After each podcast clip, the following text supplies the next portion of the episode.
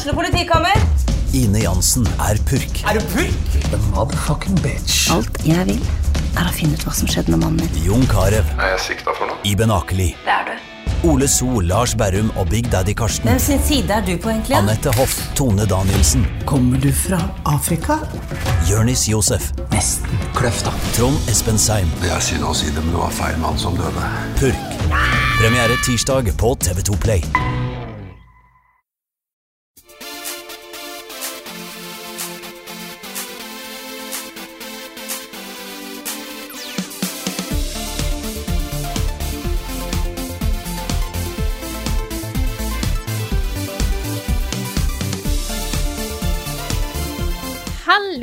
Velkommen til en ny episode av podkasten Level Backup. Med meg, Frida Danmo, og med meg har jeg i dag Karl Martin Hogsnes og Rune Fjell Olsen. Og vår egen kjære Jan Martin Svendsen. Hallo, alle sammen.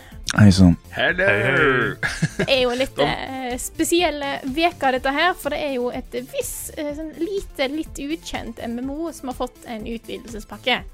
Ja, det der indiespillet, det. Ja. Ja, Lille mm, smale World of Daskemaking, tror jeg den heter. Ja. Og da er Hvor mye jo- søvn har det blitt på deg, Svendsen? Nei, det har tirsdag. blitt ganske bra med søvn. Jeg har um, Men når Sovet. på døgnet har du sovet? Hæ? Når på døgnet har du sovet? Uh, Nei, det ble ikke senere enn to i går. Å ja. Ok, ja, men, Og oi. kvelden før så ble det veldig kjedelig svar. fem. Ja, ja. Det var mer det jeg forventa å høre, hvis jeg kan si det sånn. Ja. Ja. Så går det. Det er jo derfor du er her også, Svendsen. Altså, du, kan- du er velkommen når som helst. Ja, okay, Men ja, eh, vi, vi kunne ikke ha en podkast denne lanseringsuka, og så sitter vi tre stykker. Nei, jeg har ikke testa det og sånt. Da. Det sier jeg, hører det Jeg har ikke spilt så mye over. Jeg. Det, det, Nei, det, hva det går ut på. Vov, vov, vov. Skjønner ikke Er det, er det sånn hundespill? Vov! Nei, men kan du egentlig Så- hoppe Ja, Ja, ja Nei, men var det jeg skulle si. Hopper, rett- ikke sant? Ja, nå prøver du å ta min, eh, min eh, sjefsrolle her, Rune. Unnskyld, unnskyld, Nei, unnskyld. det går fint. Uh, kan, Jeg er litt gira. Ja, jeg skjønte det.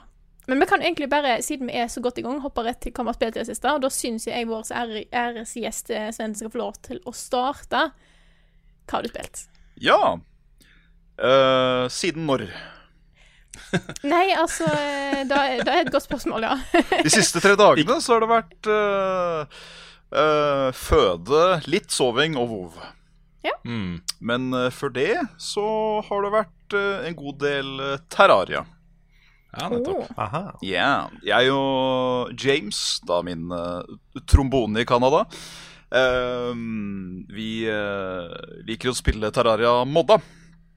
Og vi gjør det en gang iblant. Og bare begynner fra scratch og finner noe crazy eh, total conversion mods av noe slag, og så bare spiller vi til eventen ikke gidder mer, eller til vi har eh, made the game are biatch.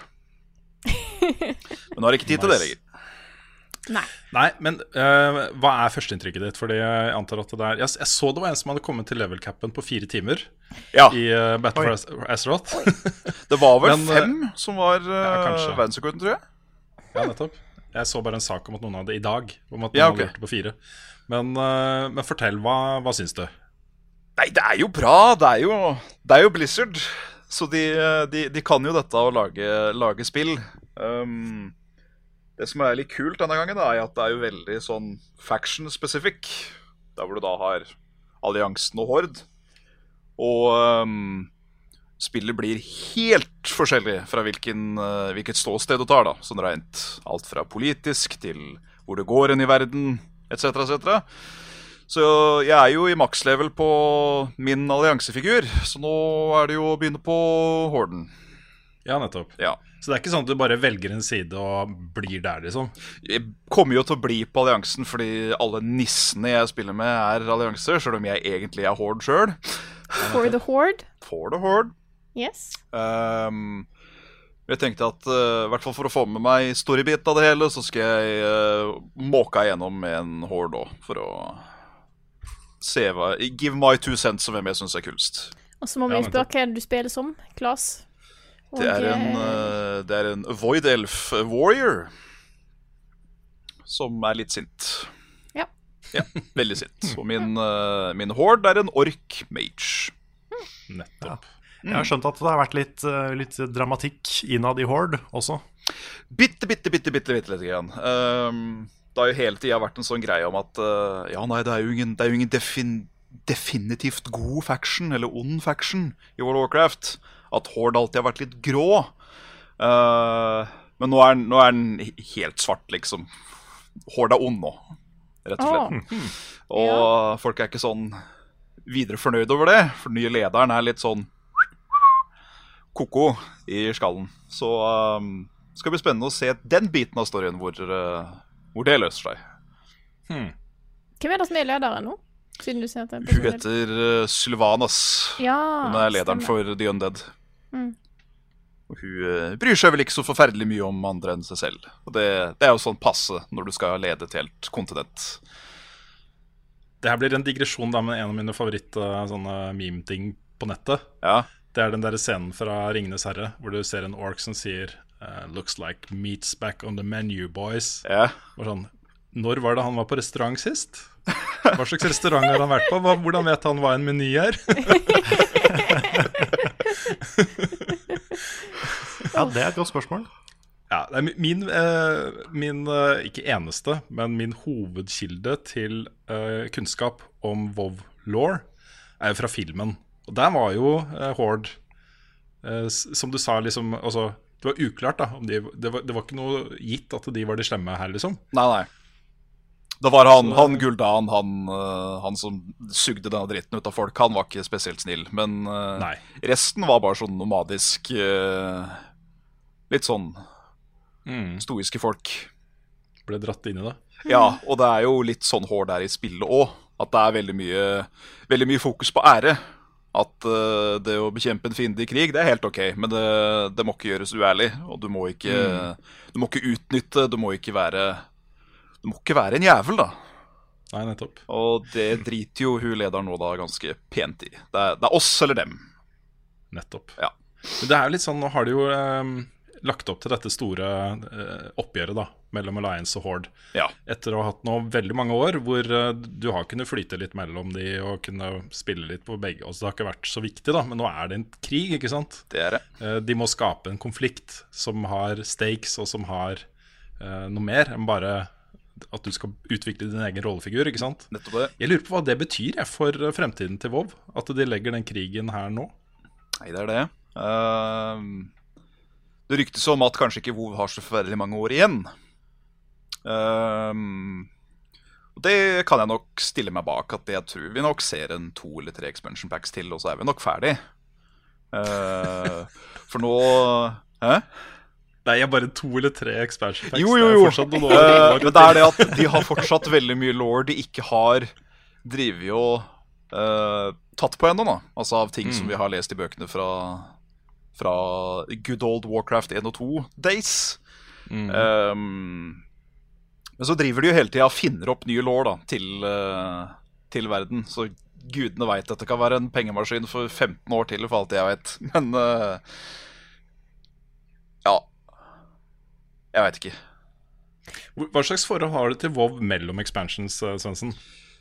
Nei eh, Jeg spiller jo ikke aktivt hele tiden. Det gjør jeg ikke. Um, det pleier å være en to-tre måneder med ganske aktiv spilling etter expansion har launcha, og så kan det hende jeg ikke spiller i det hele tatt på opptil flere måneder igjen, og så kommer jeg kanskje tilbake da når det har kommet inn content patch av noe slag. Så er det jo veldig mange år siden WoW ble lansert første gang. De har gjort en del oppgraderinger på engine og grafikk og, og sånne ting. Smått. Hva er det som gjør at folk fortsatt mener dette er den eneste MMO-en som Som er verdt noe? Ikke at alle mener det, altså. Men Nei, eh, langt ifra. Jeg kjenner opp til flere jeg som eh, ikke takler WoW pga. at de syns eh, det er veldig utdaterte grafikker, og at gameplay er veldig basic. Og jeg vil vel på en måte stille meg litt bak det òg. At kontra f.eks. Final Fantasy, da, som spilte med Carl, eh, så er det ikke like jeg vil si vanskelig, da. på en måte. Det er ikke like mye å bite over med å gå rett inn i World of Warcraft som det er å gå rett inn i Final Fantasy. eller Guild Wars, eller hva det nå skulle være for noe. Uh, men det er derfor jeg også tror at det er så populært. At det er veldig lett tilgjengelig for alle som har lyst til å spille det. Og er også nok av ting å fordype seg igjen i hvis du har lyst til å bli en sånn super-hardcore raider eller PVP-gud fra en annen, uh, annen verdenplass. Mm. Hva er det du liker mest å gjøre i WoW og Battle, Battle for Azeroth, uh, Svendsen? Jeg liker jo PVE, altså mot, mot computeren, da, som jeg si. Liker å gjøre ting som uh, er vanskelig, og prøve å gjøre det enten så lavt level som mulig, eller uh, med så dårlig gear som mulig. Uh, og så er jeg veldig glad i dungeons. Og Mm. liksom samle en gjeng med fire-fem venner og bare go to town, som vi gjorde i går kveld. Det var veldig gøy. Men føler du at eh, Hva syns du om den expansionen, og føler du at det er på en måte Det tilfører noe nytt og viktig til spillet? En veldig kul expansion. Liker temaet. Um, med liksom alt krigen. Og det er jo ikke det, er jo ikke det som tar hovedfokus i um, bare når du flyr rundt og quester. Det har du sånne egne spesielle soner for. Um, det eneste som jeg merker er litt dritt, er det at uh, det oppfordres til å gå inn i noe som heter war mode i uh, Battle for Azeroth. Og det gjør deg rett og slett tilgjengelig for å bli angrepet av hvem som helst fra den motsatte faction. Uh, hvis du er i et, uh, i et nøytralt område, da, som er jo da hele expansion. Og um, før jeg kom til maks level sjøl, så var det et reint helsike. For da løp jeg rundt i level 115, og så kom tre stykker i 120 og bare gankspanka meg i ca. et kvarter uten stopp. Så måtte jeg da bare gå tilbake til hovedbasen, skru av war mode og komme meg ut igjen. Um, Fordi når du har den aktivt, så får du mer experience og litt mer stæsj og sånn fra å bare gjøre quester og alt mulig rart. Men uh, litt mye griffing, det er det. Mm. Men sånn er det. Når- That's the human Nå har du condition skrudd det for på igjen, eller? Hæ? Nå har du skrudd den på igjen, eller? ja! Åh, jeg har tatt den ene og slått den andre med i etterkant. Det mm, føltes godt. Now you are the ganker. Du skulle bare liksom notert deg alle brukernavnene til de som ganka deg, og så bare gått, prøvd å funnet dem. Jeg fant bare- han ene. De gjorde det, Ja, ja, ja. Bare Rein tilfeldighet. Og plutselig så dukker det opp en sånn Du kan putte en assassination-kontrakt på noen, og da dukker Ja. de opp på kartet over hele mappet. Så at du liksom kan se hvor den beveger seg til enhver tid. And lo and behold, det er han som har drept meg, som er plutselig assassination. Da var det Åh! Hvordan gikk det? Hvordan gikk det? Uh, ja, nå er jo ikke jeg hår, da, så da er jo ikke det der æregreiene så viktig lenger. Men eh, jeg fant jo han ganske skadeskutt etter å ha drept et par andre Alliance. Så jeg bare løp inn, jeg, og executa han når han hadde sånn halve livscella igjen. Nice. Dette er, dette er historien til Primrose i Octopath Traveler, faktisk. Oi, så der, ja. Det er akkurat samme. Mm. Ikke verst, ikke verst. Men i WoW kan du da gjøre så Kan du ta teabagging, eller kan du gjøre noe sånt etterpå? Etter at du har tatt den? Hvis du trykker på X, setter du denne. Hvis du Ja, spammer X, så er det Altså, du, og du, gjorde du det, eller? Gjorde Nei, Nei, jeg gjorde ikke det, Okay. men jeg gjorde en slash-bit. Ok. Det er også en um, Du har en sånn egen subkategori av ting du kan ha i spillet som heter toys. Som bare er masse div alt fra og, Oi, nå ser jeg ut som en sånn en. Eller oi, nå kaster jeg en ball på deg. Og en av de er jo bare å putte et fuckings banner ned i liket på noen til flagget til factionen din. Um, men den har jeg ikke, da. Ellers så skulle jeg jo pent planta den. Åh, Du skulle hatt noe etter han som bare kunne signalisert bare sånn Remember me, motherfucker! Men det er jo da dette her den neste Warcraft-filmen kommer til å handle om. Så eh, jeg bare gleder seg til det. Ja, Ja. Svendsen sin uh, encounter med han. Yes. Ja, det er kult, altså. Jeg tror jeg må gå og kjøpe litt fyrverkeri, så jeg kan bare begynne å skyte opp fyrverkeri når jeg dreper noen. Ja. Det kan være en sånn fin sånn Ja. Oh, there- there's that fireworks guy. ja. Litt sånn der, være litt sånn fabulous i, i Azeroth. Ja, han er litt fabulous, han figuren min. Han er en void-elf, og den mannlige varianten de er fortsatt ganske mm. Mm. Jeg savner Final Fantasy 14, altså. Det har vært ja, gøy å gå tilbake Bra spill. Det eneste det spillet der gir meg mark da over alle andre RPG-er, er at jeg får jo nesten um, epileptisk anfall av de spilleffektene i det spillet. Ja, det er mye, mye partikkeleffekter. Bare strike, liksom. Det å gjøre sånn er uh, explosion fra en annen verden. Ja, Det er så veldig typisk eh, Square Enix. Kjempe! Det er så, det er så japansk. massive- Ja, sånne massive effekter uansett hva du gjør. Så blir det bare sånn eksplosjon av farger og ting. Mishmash. Ja, Ja, ja. kanskje går det an å skru av noe? Det vil jeg tro. Maybe. Hvordan ser du for deg din fremtid i WoW, da? Hvor lenge tror du dette kommer til å være gøy? Det kan være gøy ganske lenge. Um, jeg kom jo nesten til makslevel i første sone ut av tre innenfor bare den PV-biten. Og så er det jo da sånne war zones Uh, som er 3D også, tror jeg. Da du også driver og quester litt, da. Men der er jo hovedprinsippet at du skal, du skal drepe. Finner du en eh, motsatt side, så ja, synd for dem. Um, så det er tydelig at jeg har veldig lang tid igjen bare å uh, explore det som er der ute. Ehm, jeg kjenner bare fortsatt at det er veldig surt at det må være Alliance, for jeg, det er ikke det jeg vil være. Ja, det blir kos da når du får bytta, bytta tilbake. Eh, jeg er jo makslevel nå, så jeg vurderer litt å vente. Fordi veldig mange av de i den nærmeste gruppa er fortsatt en god del level unna. Så tenker jeg at hm, kanskje jeg bare skal hoppe over og gjøre mitt fornødne der, og så heller komme tilbake når the time is right. Hvis du, um, du Du sier det er lett å komme inn i uh, World of Warcraft for alle. Mm. Um, gjelder det fortsatt med Battle for Azeroth? Oh, ja, det er jo ja, bare ja. å hoppe inn. Absolutt. Det fins vel sånne level booster og alt mulig rart. Du kan bare drite i alt som har skjedd tidligere, eller? Det kan du absolutt gjøre, hvis uh, if that is your thing. Uh, noe jeg absolutt skjønner, fordi nå er jo level capen 120, da. Og det å levele fra 1 til 120, det tar tid. Det tar veldig tid. Ehm, og det er noe som heter Det handler om reisen ikke destinasjonen og de. men det er litt bullshit, det òg, når det gjelder et RPG eller et MMO. For det er jo Du skal ta inn 14 år. Ja, ikke sant. Og så er det All juicen sitter jo på maks level. Det er jo da spillet åpner seg virkelig. Det er da du kan begynne å få den fatte luten og kan prøve nye dungeons. Det er da du kan raide, etc., etc.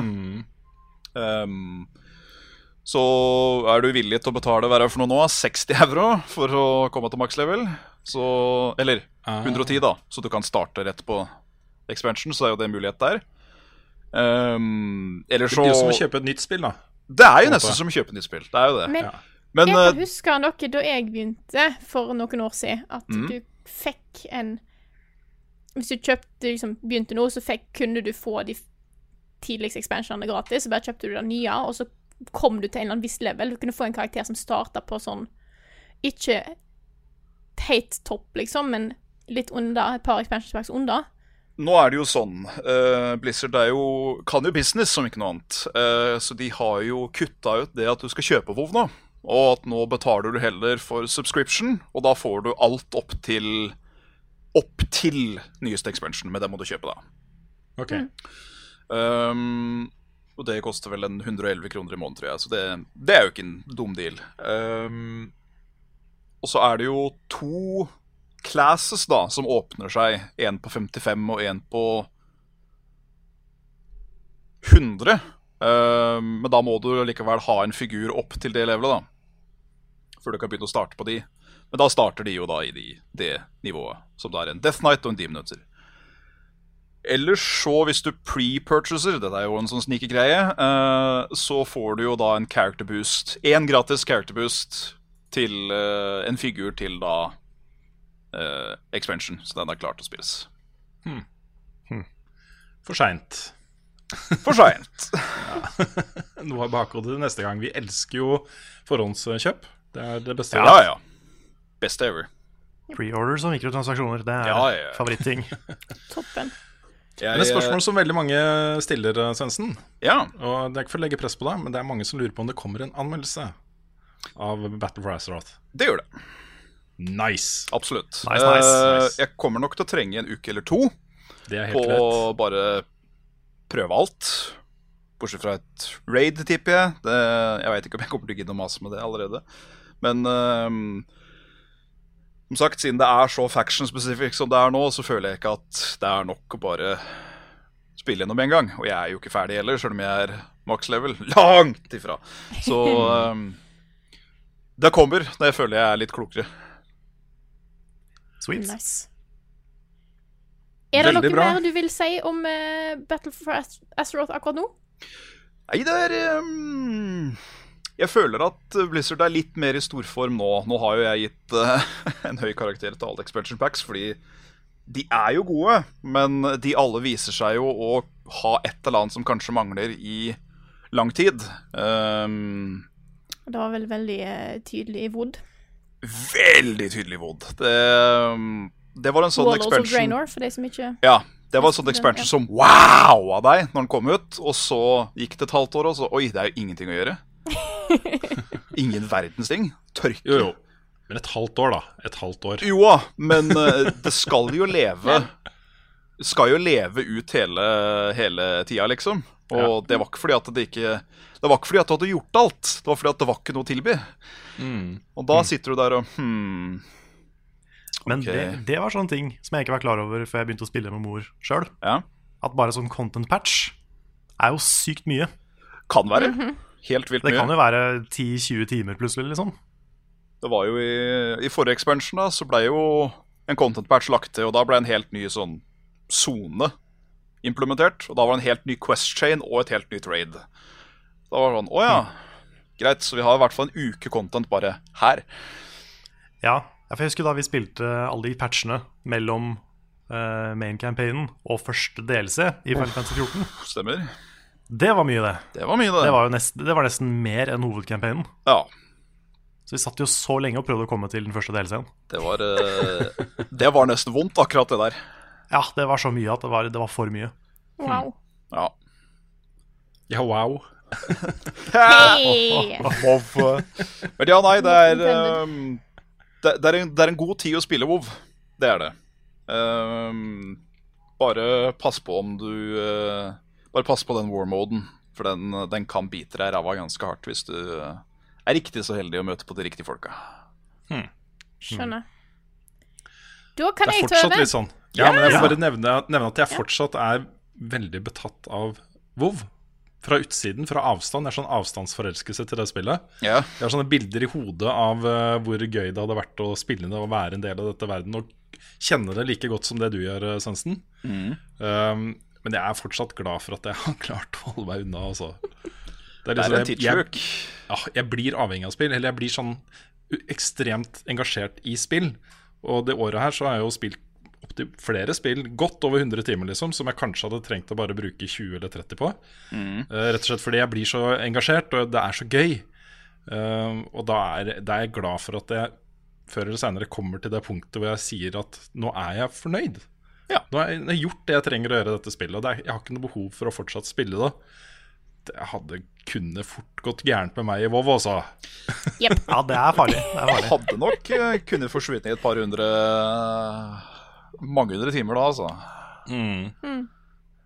Absolutt. Så Men de, ja. ja, se på det som en blessing in disguise. Ja, jeg gjør det. Og da, når vi snakker om eh, avhengighet av spill Jeg har spilt Stardew. Vær så god, nestemann. Det er det jeg har gjort. Det Hell yeah. Jeg har Eller- spilt No Man's Sky, vær så god. Yes! Ja. Jeg har sittet på dass i natt. Yeah. Det er det jeg har gjort. Jeg, har, øh, jeg øh, nevnte på stream i går, når vi spilte Dead Cells Det er for så vidt det, er det jeg har spilt. Jeg har spilt veldig veldig mye Dead Cells. Mm. Uh, prøvd å liksom komme til rulleteksten. Fortsatt ikke klart det, fordi det er så vanskelig. Men uh, spørs om ikke jeg må anmelde det før, før jeg kommer dit. Altså. Fordi mm. jeg, har liksom, jeg har så veldig bra track record nå med å komme til rulleteksten før jeg gir ut en anmeldelse. Men det spillet er så vanskelig at det er ikke sikkert jeg får det til. Jeg, er liksom, jeg er på siste boss. Jeg tror det er siste boss, Ja. men jeg må starte på nytt hver gang. ikke sant? Så, Jeg husker Terje fortalte at det tok eh, lang tid, mange timer, før han klarte å runde det spillet. ja. Han har jo vært med gjennom, eh, vært med gjennom hele eh, Early Access-perioden. Jeg husker han nevnte det. Eh, Mm. Hvor lang tid det tok. Ja, nei, det, det er tøft. Men uh, nei, jeg nevnte jo på stream i går at jeg følte meg litt rar, fordi jeg hadde tatt en energidrikk for første gang på lenge. Egentlig slutta. Og det føltes litt som liksom, akkurat som om jeg hadde litt feber. Det er liksom, jeg ble så høy på energi at det føltes som å ha feber. Men Mens visste at jeg hadde feber. Ja. Så det var ikke den. Det var, eh, det var en, eh, en ikke så digg pølse på skjell natta før som gjorde at jeg har blitt matforgifta. Å nei. Så jeg har vært, vært mye på do de siste dagene. Det er noe dritt. Det er noe dritt, altså. Hey. Men det, det begynner å komme seg. Så, men hvis jeg sier noe litt rart eller er litt sånn delirious i dag, så er det derfor. Ja, ok. Og hvis det kommer er våte sånn- er litt lyder, så og sånn. ja. Og hvis det kommer våte lyder, ja, Og du forsvinner det skal jeg prøve å unngå. så Jeg, sånn. jeg, da, da, løper jeg, da løper jeg heller på do, for det er ikke så langt til do herfra. Nei. mm. Men jeg si, jeg kom på at jeg har jo spilt noe mer enn bare Stadio. For jeg har jo nå gått tilbake igjen eh, for å gjøre litt sånn research i de eldre Harvest Moon-spillene. Gått tilbake igjen til eh, spill på SNES og på GameCube. Mm. Og jeg innser at jeg har ikke den tålmodigheten jeg hadde da jeg var yngre. Hmm. Jeg syns at For jeg kan huske uh, Dette kommer jeg til å snakke om mye i en video som kommer soon til hjem. Eh, men jeg kan huske Harvest Moon og Wonderful Life som kom til GameCube som mitt favorittspill i serien. Og da tror jeg fortsatt det er. Eh, men jeg tror det er en del nostalgifaktor som er der. For jeg tror at da Nei, det er ikke jeg tror, jeg vet at da spillet har verdens tregeste animasjoner på alt!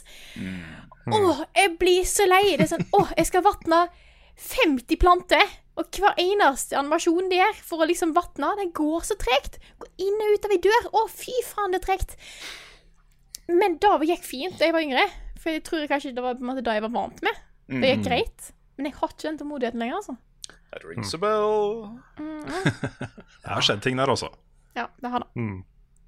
Det er jo har, voksenlivet hvor man forventer at ting skal gå litt fort. mm. Ja, jeg har ikke så mye tid til over, sant. Så det er det, det er det viktig at den tida jeg har, blir brukt til noe. Så når jeg sitter bare sånn der Det tar meg to minutter å fiske opp én fisk fra den bekken. Hmm. Da blir det sånn Da klarer ikke jeg på en måte ta det med ro. Selv om jeg tror at hvis jeg hadde kunnet hatt den roen, så hadde det vært veldig godt. Veldig behagelig å kunne slappe av. To, to minutter, Frida. You sweet summer child, altså. Da bør du spille litt det er No Man's Sky. Det er per fisk. Ja, men det er Vet du hva? Um, jeg koser meg innmari med No Man's Sky, men det, alt tar så innmari lang tid. Alt, alt tar så lang tid. Uansett hva du gjør, så tar det lang tid. Og du blir liksom hele tiden distrahert fra det du egentlig skal gjøre, og så ender du opp å bruke to timer på en ting som kanskje kunne tatt et kvarter. da. Um, men jeg har, jeg, har, jeg har det fortsatt innmari koselig. Og en av uh, hovedgrunnene til at jeg fortsatt har det gøy For jeg har et mål der borte. ikke sant? F.eks. skaffe masse units. er målet mitt. Det tar kanskje fem timer å komme dit. Uh, men jeg har begynt å høre på My Dad Wrote a Porno. Yes! mens jeg gjør dette Å, det er bra! Å, jeg er hva, jeg sitter og ler høyt hele tiden og har det så koselig. Og det er så gøy. ikke sant? Jeg skal samle inn lass på lass med carbon og sitte og høre på noe som er bra, liksom, så blir begge deler bra. ikke sant? Jeg, jeg, jeg gjør noe som er gøy, uh, hører på podkast, og jeg oppnår noe som eh, har verdi for meg i spillet samtidig. ikke sant? Ja, ja var Dead jeg Cells også er sånn podcast-spill. Mm. Det er veldig digg. Ja. Så, ja, så sånn er det. Jeg har jo lagd en guide da, for hvordan du skal tjene masse units. Det blir sikkert nerfa, så det er, jeg tror det er lurt å gjøre det, gjøre det så fort som mulig Awesome. hvis du skal bruke den. De kommer sikkert til å halvere eh, verdien på disse eh, eh, superconductor-tingene som du crafter. Så um, get in on it early, guys. Ligger ute på YouTube-kanalen vår. Vi skal ha anbefaling, eh, og nå har jeg, vi diskutert litt på forhånd hvem skulle ha, men nå har jeg glemt hvem av Rune og Carl som bestemte seg for å ha han. Så Jeg, jeg kan ta den. ja, vær så god. Ja. Nei, fordi vi har snakka litt om eh, standup før. Eh, Vi har vært veldig, veldig, veldig veldig positive til Bo Burnham sin Make Happy. Blant annet. Fantastisk. Eh, Men det var et annet standup-show som jeg først fikk tips om fra Lars i sommer. Og så så jeg Rune la ut noe på Facebook om det samme showet. Og så tok Lars det med på hytta mens vi var på hyttetur. Så vi så Nanette, som er uh, nye standup-show på Netflix til Hannah Gatsby, er det det heter? Eh, stemmer. Og det er liksom Litt sånn som Make Happy, så er det et standup-show som også er veldig mye mer enn et standup-show. Og det tar så veldig Jeg sk sk burde liksom ikke si så mye, men det tar noen vendinger som man ikke helt forventer. Og det er sannsynligvis noe av det sterkeste jeg har sett noen gang. Det var helt ufattelig sterkt, og jeg satt liksom hele tiden eh, sånn dypt engasjert, dypt fascinert og klump i halsen og alt mulig rart. Eh, for det hun gjør her, det er jo å ta et oppgjør med den personen hun har blitt, og hvor hun kommer fra. Um, for henne så var jo komikken var jo på en måte en flukt fra en ganske kjip bakgrunn. Hun, um, uh, hun er homofil. Hun kommer fra en øy som heter Tasmania, som ligger uh, rett utenfor Australia. Altså det er en del av Australia. Uh, og hun sier i dette showet at på Tasmania så var det liksom undersøkelser mens hun vokste opp, som Også i pressen og sånne ting, hvor det kom fram at over 70% av hennes naboer, altså de som bor på Tasmania, mente homofili var en synd og burde være straffbart. For det var jo ulovlig fram til var den Ja, det var jo faktisk ulovlig. Ikke sant? Eh, Så det er hennes bakgrunn. Hun eh, flytter jo da fra Tasmania, blir standup-komiker og velger å bruke um, Hva skal man si uh, gjøre, gjøre litt narr av seg selv. da Også bruke seg selv og den hun er, som humor, og på den måten flykte litt fra det. Uh, og det er det hun tar oppgjøret med i det showet her. Um, med seg selv. Og det, det er mye som tyder på at det kan bli det siste standup-showet hun gjør. I hvert fall så hadde man ikke blitt overraska. Men det å stå på en scene alene med masse folk i salen og ta det oppgjøret det er, liksom, det er så nært, det er så sterkt, det er så utrolig fascinerende. eh, og ikke minst så er det veldig lærerikt. Jeg skrev det på Facebook, at dette her burde være pensum for særlig liksom ungdommer i 14-15-16-årsalderen.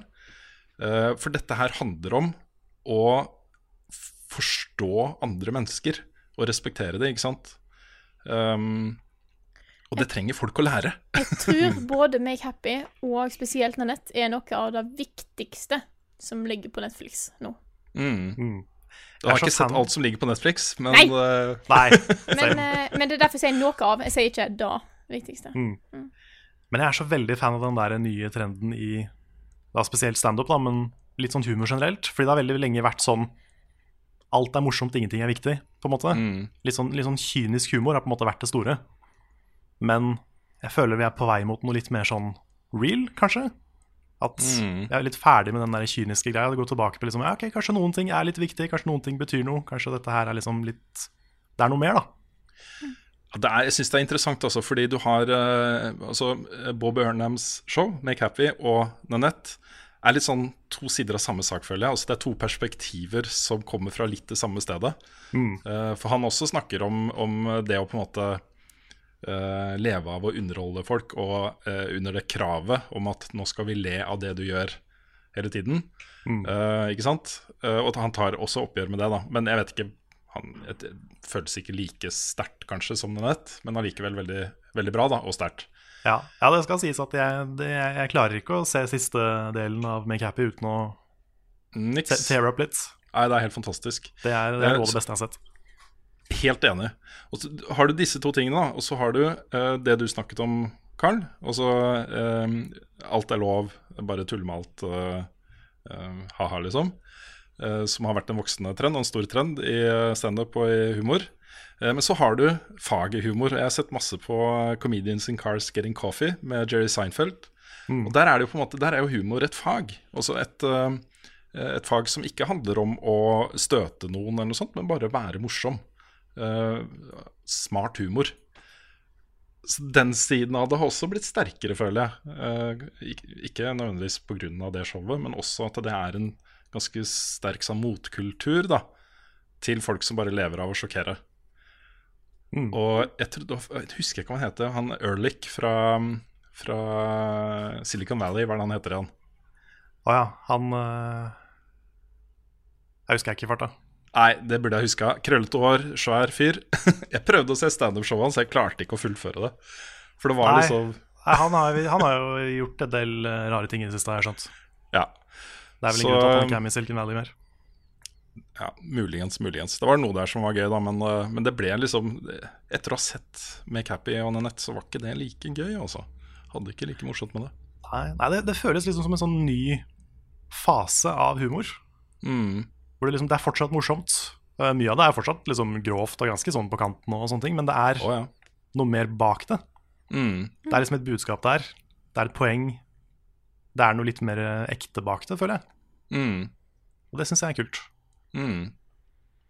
Og ikke minst så var jo også Make Happy-showet var jo så utrolig bra produsert. Altså, Ja. Som TV. Måten det var laget på med musikken og lyden og klipping og alt mulig rart, liksom. Det var Mm. bare helt eh, amazing. Og hvis, hvis du nå tenker at liksom, ja, men jeg har lyst til å se et standup-show som er morsomt, så er det fortsatt morsomt. Ja, Det er. Fortsatt veldig, veldig, veldig morsomt. Nanette også var fortsatt veldig Jeg lo ikke så jeg grein, men jeg lo høyt mange ganger av det også. Ja, det er mange, bra, mange bra mye bra humor der. Ja. Mm. Så det er, ikke, det er ikke bare alvorlig og, og dystert. Nei, men den er viktig. Rune sitter klar.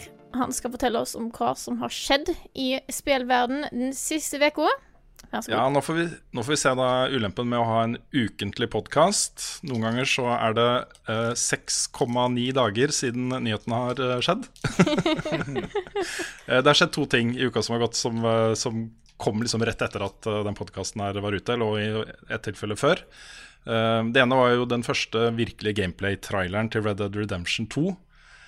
Og den er sånn Det er vel egentlig akkurat sånn jeg har håpa og sett for meg at det spillet kom til å se ut. Mm. Det er sånn eh, det, det ser så amazing ut, og jeg bare jeg, jeg, Nå vil jeg ikke vite mer om det. Nå er jeg bare klar til å hoppe ut. Det var fett, altså. Rockstar har liksom sin måte å presentere spill på. Mm. Det var jo, det føltes som en sånn der turistvideo, Ja. egentlig. Sånn der, her kan du gjøre sånn og sånn, og du kan gjøre det, og så kan du møte de her. Mm. Det var litt sånn travel-ting. Ja, Det jeg er litt spent på for min egen del, her er jo hvordan jeg kommer til å spille dette. her Fordi uh, du er jo en, uh, du er med i en sånn lovløs gjeng som på en måte presses fra skanse til skanse av voksende sivilisasjon i USA. ikke sant? Eh, med masse eh, politimenn etter seg og osv. De lever fortsatt av å rane ting og osv. videre. Her vil du jo ha en base som flytter på seg hele tiden. Den vil ikke være på ett sted gjennom hele spillet. Den vil flytte på seg. Og Fra den basen så kan du selv velge hvordan du vil spille. Og da kan du gjøre sant, raids og eh, bankran osv. med den eh, gjengen din. Eh, du kan gå ut og jakte på dyr og øke, booste moralen i gruppa. Sørge for at folk er fornøyde og happy og sånne ting. Du kan stikke til den andre enden av kartet og gjøre ting i en eller annen by. Eh, Du kan gå ut og utforske. Altså, du kan gjøre hva som helst da, i denne verden. Det er veldig løst, virker det som. Du blir ikke pressa inn på et historieløp. Akkurat sånn som i GTA5, så, så var det jo sånn Ja, det var en historie der. Du kunne følge den hvis du ville, men du måtte ikke. Jeg, jeg, jeg aner ikke hvordan jeg kommer til å spille det spillet her. For det er liksom Mine beste minner fra Red, Red Dead Redemption 1 var jo å jakte på dyr. Det var det jeg syntes var kulest der. Det var det som jeg syntes var morsomst. Bruke lang tid på å finne liksom, alle de forskjellige dyresortene man kunne jakte på. eh, Og sånne ting. Bare det å utforske eh, miljøet på den måten. Men eh, jeg er hellig overbevist om at dette her blir dritbra. Rett og slett. Så de neste videoene som Roxa kommer til å lage herfra, de har jo allerede sagt at den neste blir Jeg husker ikke hva det var engang, men de skal presentere en eller annen mekanikk i spillet. I mer detalj, da. Jeg vil ikke ha flere detaljer, jeg. det er greit, det holder. Ja, De har ikke sagt noe om online ennå. da. Nei, det, det har de ikke. Men uh, det blir nok det siste de presenterer, tenker jeg, før det lanseres. Eller kanskje ikke det siste, men uh, tipper det blir en ganske svær online-del her. Det hadde jo vært kult å lage sin egen crew, da. Ja, De må jo nesten gjøre det, føler jeg. Ja. Det er jo hele storyen og sånn er bygd opp for det i tillegg. Mm. Yes, den andre store, store avdukingen som skjedde da eh, rett etter at den podkasten var ute, eller om det var rett før, det husker jeg ikke. Jo, det tror jeg også var kvelden før vi publiserte. Ok, Doom Eternal ja, ble jo presentert med en halvtimes uh, sånn presentasjon på QuakeCon. Og bare holy shit, altså. det var heftige saker, det. Det var heftig. Åh, det, var, det så så fett ut. Uh, og jeg syns det er så kult, fordi etter at liksom Carmack og flere av de andre store kanonene fra id forlot selskapet Carmack jobber jo nå i uh, Er det ikke i Oculus? Jo, stemmer. Ja. Han var jo liksom tech-guden. Han var jo den som satt grafikkstandarden og sørga for at hvert eneste nye spill fra id ble uh, utrolig hypa på forhånd, og folk gleda seg til det fordi det kom til å se mye penere ut enn alt annet der ute. ikke sant? Så etter at det skjedde, så var liksom id i en litt sånn nedtur. De begynte å publishe andre, andres greier. De satt liksom arbeid ut til andre selskaper og sånne ting. Men med Doom, det forrige Doom, så føler jeg de virkelig fikk mojoen sin tilbake. Eh, og nå har de skrudd volumet. Hvis det volumet da var på 8,5, liksom, så er det på 11-12 nå. Det er bare Yes, vi er fortsatt uh, the shit, folkens. Det her får vi til, og nå skal vi lage det mest kickass Doom-spillet som noen gang har eksistert. ikke sant? Det skinner så gjennom den selvtilliten og den uh, skapergleden fra det de viste fram på, på QuakeCon. Så Ja, jeg syns det er kult at løsningen på Doom var liksom bare å gjøre mer av det første de gjorde. mm, helt enig. Ikke prøve å lage et sånt skummelt, mørkt skrekkspill, liksom. Men bare liksom full on camp. Kjør på, liksom. Sint, sint, grr, grr. Nei, det var kult. Blodhard industrimetall i bakgrunnen, og bare drep alt du ser. Mm. Jepp, det hørtes ut som det var Mick Gordon som var tilbake på Yes. uh, musikkfronten der, gitt. Ah, det- Jeg syns hele den presentasjonen var kul også. Det er mange som sikkert bare har sett gameplay-biten av det. Eh, Men de hadde jo også litt presentasjon av uh, rollefiguren du spiller som og sånne ting. Bare det å se de side om side, forrige Doom, Doom Guy, som Ja. er den i, i, eh, i rebooten, og den nye, han har fått liksom mer kniver og ting som stikker ut på armen sin, og blitt mer beefy og flere greier, liksom. Altså Ting har blitt mer eh, badass, da. Og den skulderkanonen, da, og det derre wristblade eh, som man kan bruke. Mm. Oh yeah. Jeg hørte noen rykter om en, en shotgun som hadde en grappling hook. Ja, Stemmer det.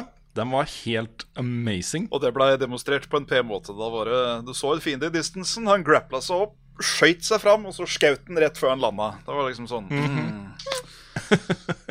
Åh! Funker det, altså? Jeg blir så glad sånn Gladvold. Gladvold gjort riktig. Ja. Mm. Ja, sånn erkecampy, erkeharry Gladvold, liksom. Ja, ja, ja. Ja. Det er jo det er humor.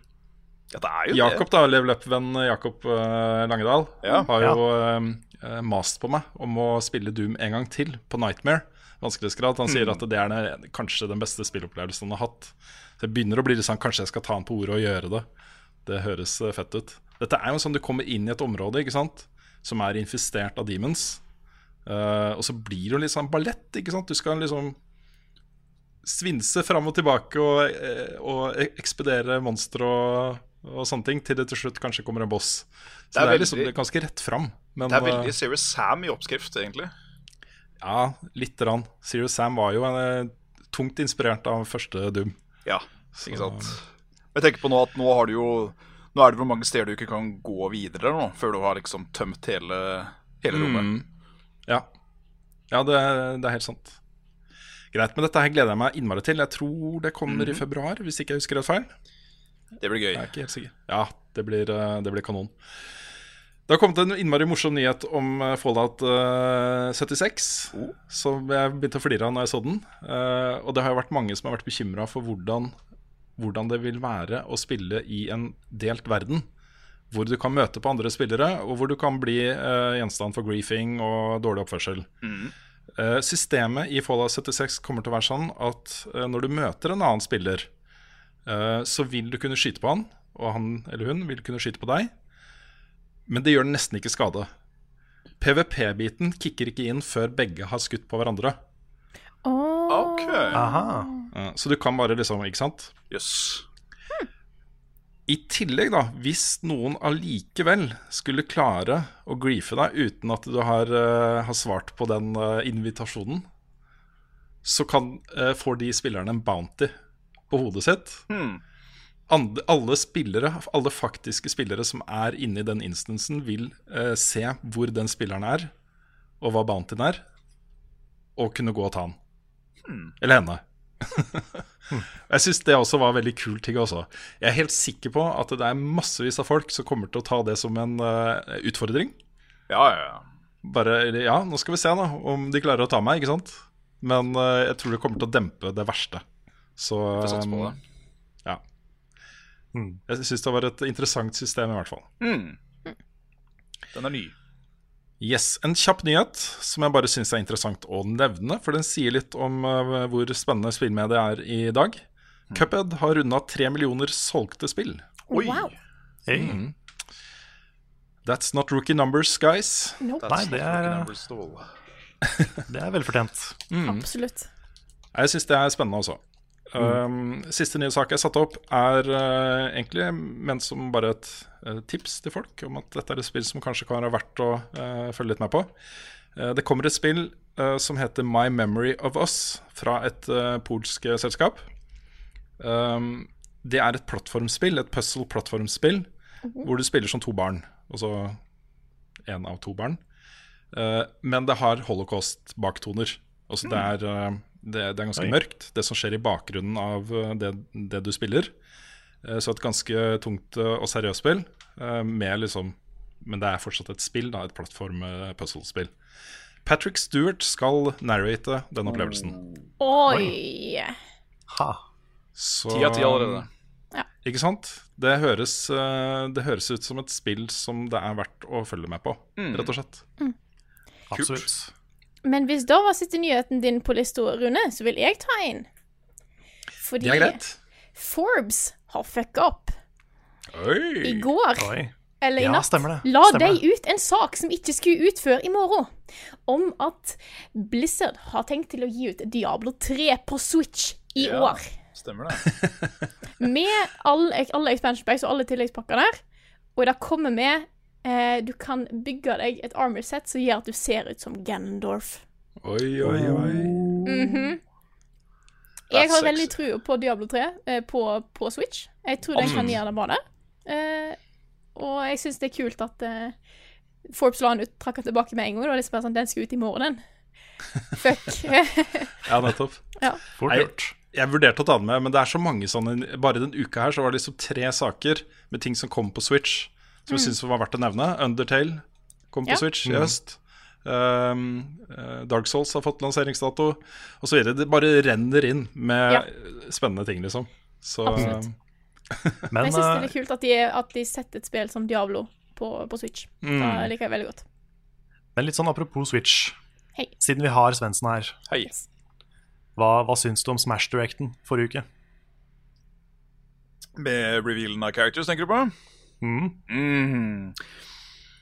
Hadde jo håpet i Det var jo faktisk en av de jeg og um, Jørgen Hei, Jørgen. Um, håpte på at skulle dukke opp. Det var jo good old Keyroll. Ja, jeg også ble glad for å se han. Ja. uh, det var liksom en av de som Kanskje han kunne dukka opp. Det kunne vært kult. And lo and behold. Simon Belmont, riktignok. Det var en sånn Ut av ingen steder.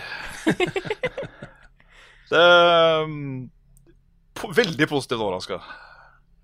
Ja. Jeg, jeg må liksom innrømme det første jeg tenkte når jeg så King K. Rule. Ja. Det var at eh, shit, han kommer Svendsen til å begynne å være, og så kommer Svendsen til å bli god. Hæ? At jeg skal spille han? Skjønner ikke. Skjønner ikke. Nei. Virker ikke Nei, så mye har liksom- i det hele tatt. Nei, du har liksom ikke en historie om å bare være de største folka.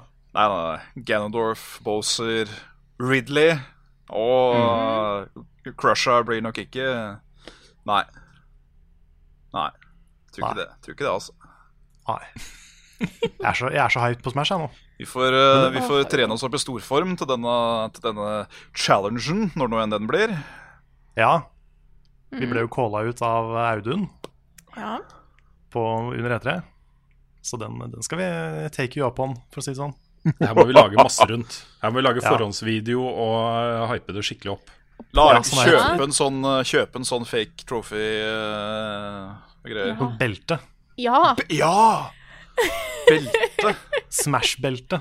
Hvis det er en sånn- eh, dyktig, dyktig blacksmith som eh, sitter og ser på, har du lyst til å lage et veldig fett customized beltespenne, så kontakt oss på Jeg så faktisk det var en LVUP.no. face- Jeg så en sånn Facebook-annonse for sånne belter. Du kan oh. kjøpe og sette inn hva du vil. Sånn derre heavyweight champion of the world. Perfekt. Sånne belter. ja. Nice. Shit. Det må vi skaffe. Ja. Ja, det må vi ha. Det må vi ha. Men sånn generelt, uansett hvor interessert man er i Smash, den directen der, den halvtimen der, liksom, det er noe av det kuleste jeg har sett sånn spillpresentasjonsmessig noen gang. Enig. Så den, eh, den, er, den er verdt å se, altså. Bare sånn, for det er, så, det er så kult lagt fram. Helt sant. Jeg hadde egentlig glemt litt Smash ennå, men nå, blir jeg, nå ble jeg jo gira igjen. da. Nå er jo jeg eh, endelig tilbake igjen. liksom, begynner å bli litt sånn varm i trøya, så nå husker jeg at vi starter med vignett. Uke. Uke.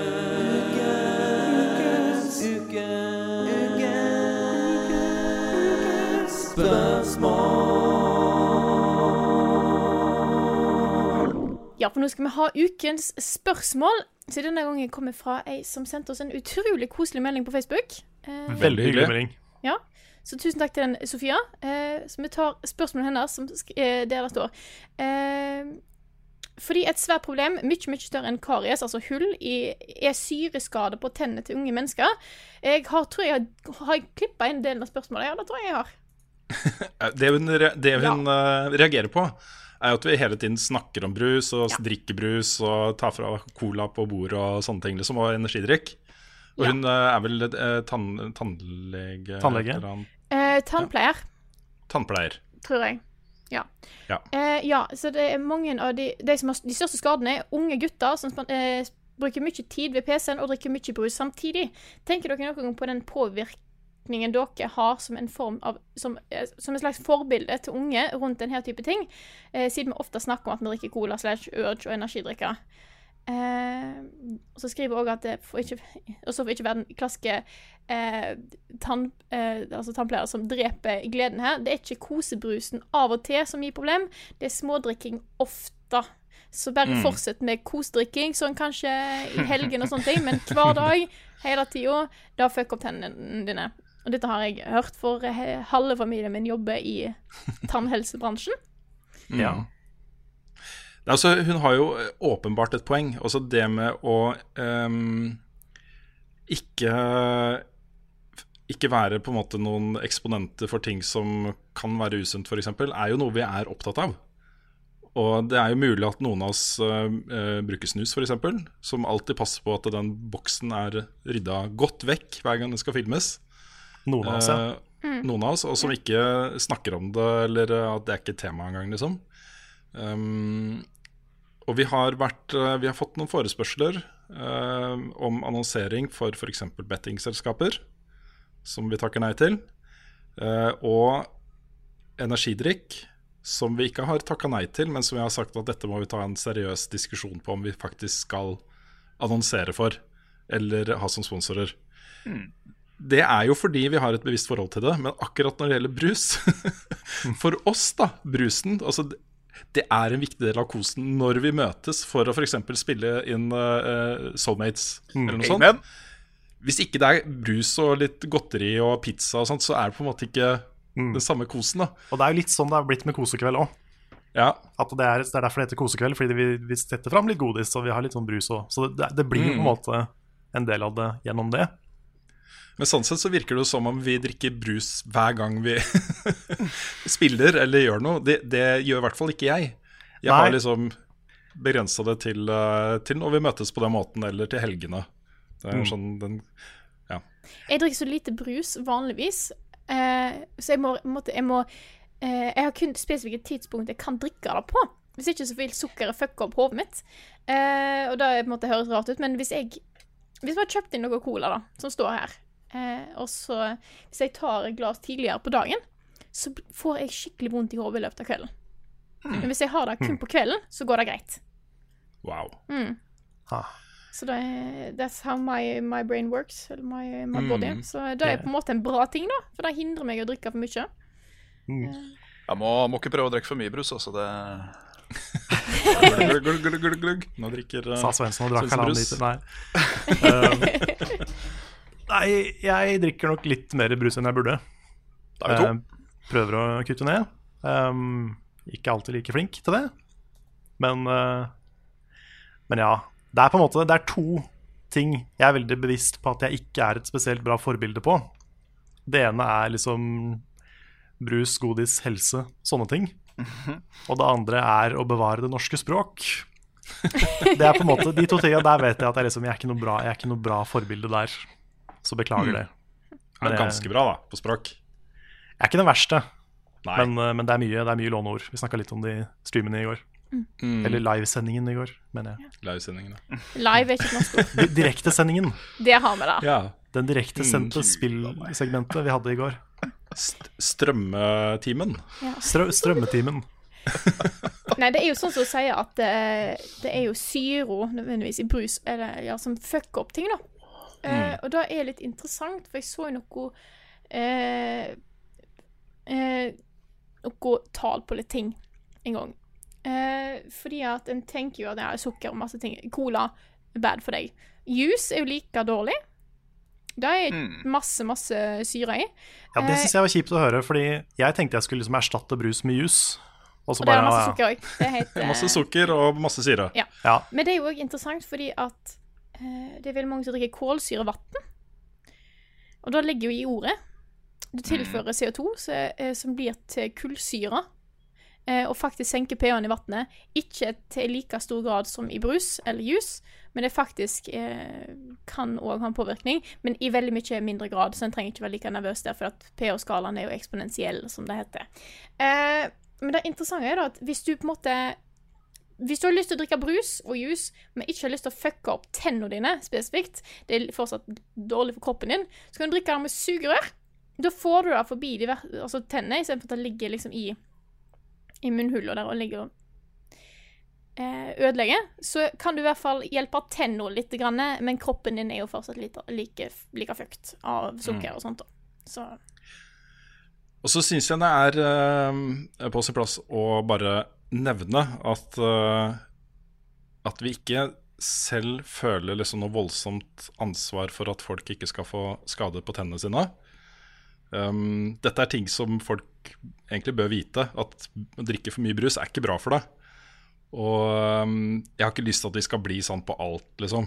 Det er uh, uh, Det ville vært uærlig av oss å ikke sitte og kose oss med den brusen når vi spiller inn Soulmates, Ja. for f.eks. Altså det, er, det er litt sånn det er. Um, men jeg vet ikke. Kanskje, ikke. kanskje vi skal være litt bevisste på å ikke bare ha masse colabokser og være helt sånn derre på det. Jeg vet ikke. ja, kanskje liksom ikke Ikke være like Skal jeg si Ikke, ikke rope fullt så høyt om at det er så mye cola. jeg vet ikke. Nei, fordi nå- Det er så mye cola overalt! For proble problemet nå, vet du, fordi jeg skal jo ikke drikke brus i dag. I dag er det jo torsdag. Nå har jeg så lyst på brus. jeg. Jeg har så lyst på en cola at det holder på å daue. Ja. Fordi vi bare sitter og snakker om det, ikke sant? Og det er jo innmari godt. Ja. Men jeg må, jeg må si da at jeg syns det er, eh, det er bra folk sender sånne meldinger. Fordi Ja. det er jo fort gjort å ikke tenke på det i det hele tatt. At liksom, Det er mange som hører på. Det er ikke alltid vi fremmer det sunneste, den sunneste livsstilen. Og så syns jeg òg det er viktig å faktisk fokusere litt på tannhelse. Eh, Det kan gjøre for at jeg har jo fått en med teskje opp gjennom hele oppveksten. Med en onkel og en morfar som er tannlege, og en mamma som lager tenner. Eh, så er det jo da at det, det er mange som tenker på at på måte, de bærer på liksom på kroppen eh, Altså effekten av brus bærer på liksom på kroppen, men tennene òg kan være godt utsatt. Så eh, tenk litt på tennene deres, dere skal ha de hele livet. Ikke fuck de opp når dere er 20. Det er faktisk godt råd. Jeg husker vi for noen eh, Det var en gang vi hadde Nick som gjest. Vi fikk et spørsmål om hva slags råd ville du med liksom din erfaring nå gi til deg selv, eller unge mennesker, da. Um, og det er faktisk eh, Jeg tenkte på det etterpå, at det er en av de tingene jeg kanskje ville sagt. Ta godt vare på tennene deres, folkens. Det er liksom ja, Jeg har hatt en del problemer med det, fordi um, både sånn at de i utgangspunktet er litt dårlige, lett å få hull i de, eh, og fordi jeg hadde en helt forferdelig skoletannlege da jeg vokste opp, eh, som har liksom forfulgt meg helt siden. da Nå har jeg masse dårlige fyllinger som driver og fucker opp det som er igjen, ikke sant? Som jeg må bytte ut, og som knekker tenner. Og det er, det er ille. Ja. Det er bad, folkens. Så eh, det skulle jeg gjerne vært foruten. Så ta godt vare på tennene dine. Tann-fun fact om meg. Jeg har alle mine visdomsveksler. Alle fire. De står Wow. fint. Jeg har en, tydeligvis en sinnssykt bred kjeve som har plass til alt. Og det ser ut til at jeg skal få nummer fem og seks. Oi. Visste Det er ikke at det er gikk så- an. Nei, det er fordi du er så vis, det, vet du, Frida. Ja, ja, ja. Ja. men Liker å si det, i hvert fall. Hver gang du googler, så får du flere tenner. Ja, ja. Og hjelp. Å nei, det kom det en til! Åh, jeg tror vi hopper videre til neste spørsmål her. Eh, Ja. og da har vi allerede snakka litt om, jeg tenkte vi skulle faktisk ta det som et tema her nå. Det er fra Christer Horne som spør hvor viktig er det for dere å fullføre spill? Er det et nederlag å gi seg før rulleteksten kommer, eller kan et spill være, så, eh, være vel så bra selv om man ikke har fulgt mainstoryen i det hele tatt? Har dere i så fall eksempler på det? For Vi snakka litt om Carl som er, som er redd for å anmelde et spill før han er ferdig. Mm. Hvordan er vi på å faktisk fullføre spill, folkens? Som regel, men ikke alltid. Ja. Jeg, jeg er litt sånn med alt at hvis jeg har noe som liksom bare ligger og flyter, som ikke er ferdig, så blir jeg litt stressa. Mm. Sånn om det er en video, eller om det er liksom et prosjekt eller, eller et spill. Så er det sånn Jeg har så lyst til å bli ferdig med det. Så jeg får veldig den. Samme her. altså Noe av det beste og verste jeg vet, er å lese en bok som jeg elsker, og så finne ut at det er elleve bøker til i den serien. Med de Ja. samme rollefigurene og Ikke sant? For da er det Inntil jeg har klart å fullføre den serien, så ligger bare det der og lurer hele tiden, liksom. Det samme Mm. TV-serier. Jeg må se alt. Ja. Eh, og spill. Sant. Vi har jo én session igjen av Soulmates nå. Og vi har eh, Jeg har én session igjen av Kingdom Hearts, for jeg er ferdig med det første spillet. Og jeg kjenner at det er litt sånn mm, ja. Må bare bli ferdig! Ja, ja, ja. ja det, er, det har vært eh, vanskelig for meg. Vi har holdt på et halvt år med Ja, Dark. Souls. Det har det. Det er altfor lang tid. Ja. Altfor lang tid. Vi får ta en, eh, ta en forrykende siste session en dag snart. Mm. Det Jeg er er derfor jeg driver og lager nye karakterer og sånt hele tiden. Bare for å kunne spille det mer. ikke sant? Jeg syns jeg kan spille et spill ganske lenge helt fram til jeg når det siste målet mitt.